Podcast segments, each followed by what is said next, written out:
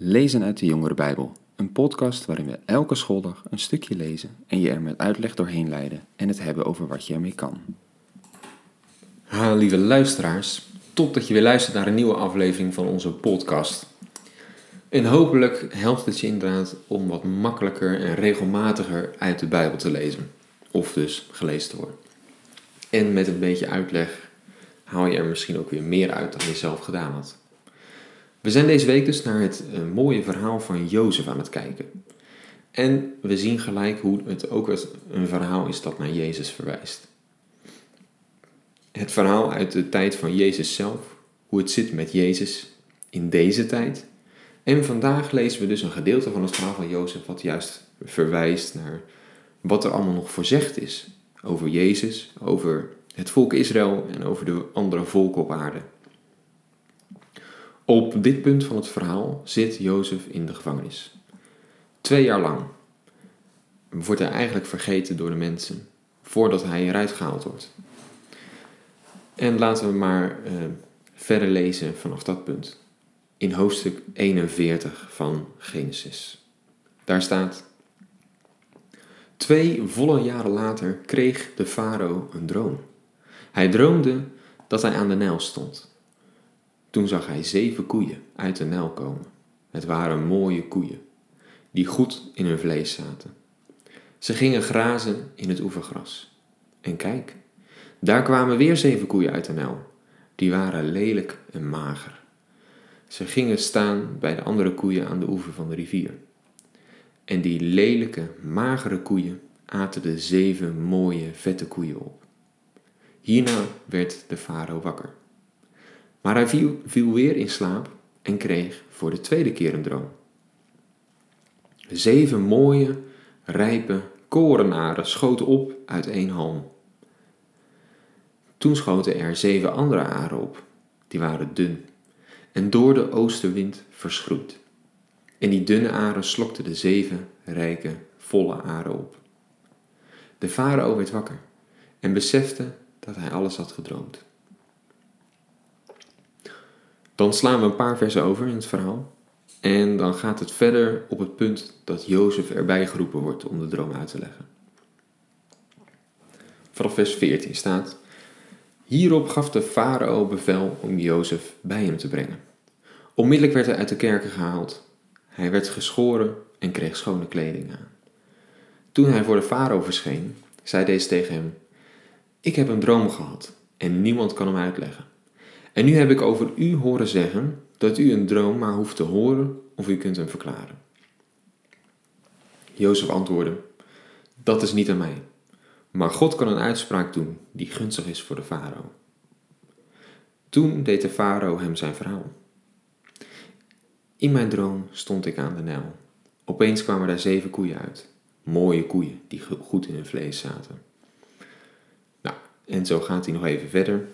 Hij legt alle twee de droom uit en dan zegt hij: Ik heb dit voorgelegd aan mijn magiërs, andere wijze mensen die hij in het hof had, die ook dit soort dingen moesten kunnen uitleggen. Maar geen van hen kon me er iets over zeggen. Jozef zei tegen de farao: U hebt tweemaal dezelfde droom gedroomd. Farao, God heeft u bekendgemaakt wat hij gaat doen. Die zeven mooie koeien, dat zijn zeven jaren. En die zeven mooie korenaren zijn ook zeven jaren. Het is één en dezelfde droom. De zeven magere, lelijke koeien die daarna tevoorschijn kwamen, staan ook voor zeven jaren. Net als de zeven lege aren die door de oostenwind verschroeid waren. Er zullen zeven jaren van hongersnood komen. Het is Farao, zoals ik u daarnet zei, God heeft u laten zien wat hij gaat doen. Er komen zeven jaren in waarin er in heel Egypte grote overvloed zal zijn. Daarna volgen zeven jaren van hongersnood. Dan zal niemand zich nog iets herinneren van de overvloed die er in Egypte was. De hongersnood zal het hele land te gronden richten en zo erg zijn dat het van de eerdere overvloed niets meer te bespeuren valt. Dat u deze droom tweemaal hebt gekregen, betekent dat Gods besluit vaststaat en dat hij het binnenkort gaat uitvoeren.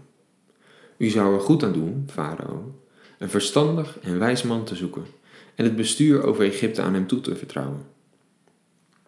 Ook zou u krachtige maatregelen moeten nemen.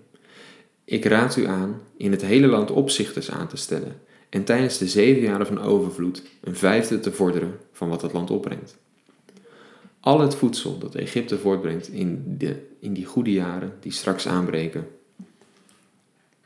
die moeten worden verzameld. U moet erop toezien dat het graan veilig in de steden wordt opgeslagen. Uit die voedselvoorraad kan het land dan putten in de zeven jaren van hongersnood die er te wachten staan. Zo hoeft Egypte niet van honger om te komen. Nou ja, een bijzonder stukje als je erover nadenkt. Er is een gevangene die in de gevangenis geworpen is, vergeten is. En de farao, de hoogste man van het land, die haalt die gevangene uit de gevangenis. En hij blijkt de enige te zijn die de allerhoogste koning kan vertellen wat er gaat gebeuren. Hoe de wereld rampen gaat zien en hoe je er doorheen kan komen en gered kan worden. Nou ja, niet een alledaags tafereel. Maar ook hier zijn dus weer linkjes naar het verhaal van Jezus te vinden. In de twee jaar dat Jozef in de gevangenis moet zitten, nou, daar zou je linkjes kunnen zien naar de 2000 jaar dat Jezus nu verborgen is voor zijn eigen volk, Israël. Zij zijn Jezus vergeten. Ja, ze hebben de verhalen gehoord, maar zij weten niet wie hij is. Ze weten niet uh, dat hij de zoon van God is. Hij was gewoon iemand die rondliep. Mensen schenken er weinig aandacht aan. De 2000 jaar die sinds dat hij rondliep op aarde al bijna voorbij zijn. En de rampen, die zoals voorzegd bijna over de aarde zullen gaan, die kan je, dus, die kan je ook hier langs leggen. Want net als in het verhaal van Jozef staat er in de Bijbel dat er na zo'n periode, die dus bijna voorbij is, allerlei plagen, allerlei rampen over de aarde moeten komen. Dat het volk het zwaar gaat krijgen. Jezus, die verkondigd heeft wat er gaat gebeuren, die heeft dus inderdaad verteld dat dit allemaal gaat gebeuren. En hij heeft ook verteld hoe je door geloof gered kan worden van die rampen die komen. Ja, dat is altijd een, een bijzonder iets om over na te denken. Wij geloven eh, dat er nog van alles gaat gebeuren. Wij geloven dat Jezus voor ons terugkomt. En nou ja, we weten het niet per se zeker hoor. Dus uh, het is niet alsof ik je een jaartal kan geven waarin alles gebeurt. Maar we denken dat de beste uitleg is dat ongeveer 2000 jaar nadat Jezus op aarde heeft rondgelopen, hij weer terugkomt. En dat is niet heel ver van waar we nu leven. Ik denk daarom ook dat op zich de kans dus wel groot is dat ik in mijn leven ga meemaken dat Jezus terugkomt. En de Bijbel voorspelt dat daarna allerlei rampen over de aarde zullen komen. Maar dat is niet iets waar je je zorgen over hoeft te maken. Want tegelijkertijd kan je ook ja, hier en daar lezen dat omdat wij geloven, we gered zijn. En voordat het allemaal over de aarde komt, wij worden weggerukt en naar boven gaan, naar de hemel. Dus in die zin, ik ben niet bang voor allerlei rampen die over de aarde gaan komen. Dat, ik, dat wij daar heel veel last van gaan hebben. Ik denk dat wij daardoor gered zijn. Net zoals Jozef hier vertelt hoe ze gered kunnen worden van die hongersnood. Gek hè, om over na te denken. En misschien vind je het ook wel een tof idee dat wij dat gaan meemaken. We krijgen dan een nieuw lichaam, een lichaam wat alles aan kan. En we mogen bij God zijn. Ja, hoe mooi is dat? Ik kan me er zelf eigenlijk niet zo heel veel bij voorstellen hoe dat precies zal zijn.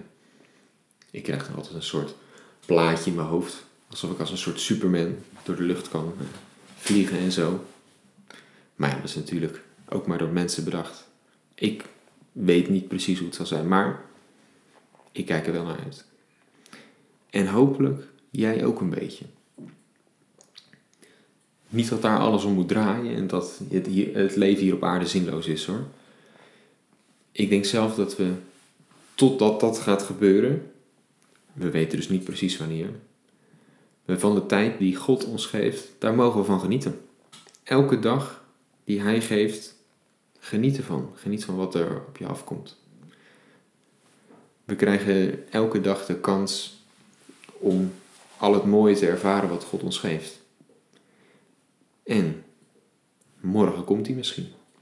Nou, dat zou alleen maar beter zijn. Probeer vandaag zo eens te leven. Vandaag zien als een kans.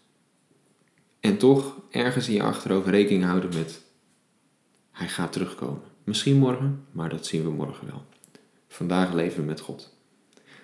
Ik hoop dat eh, je op zo'n manier in het leven mag staan. Morgen gaan we het laatste stukje van dit verhaal lezen. Tot dan.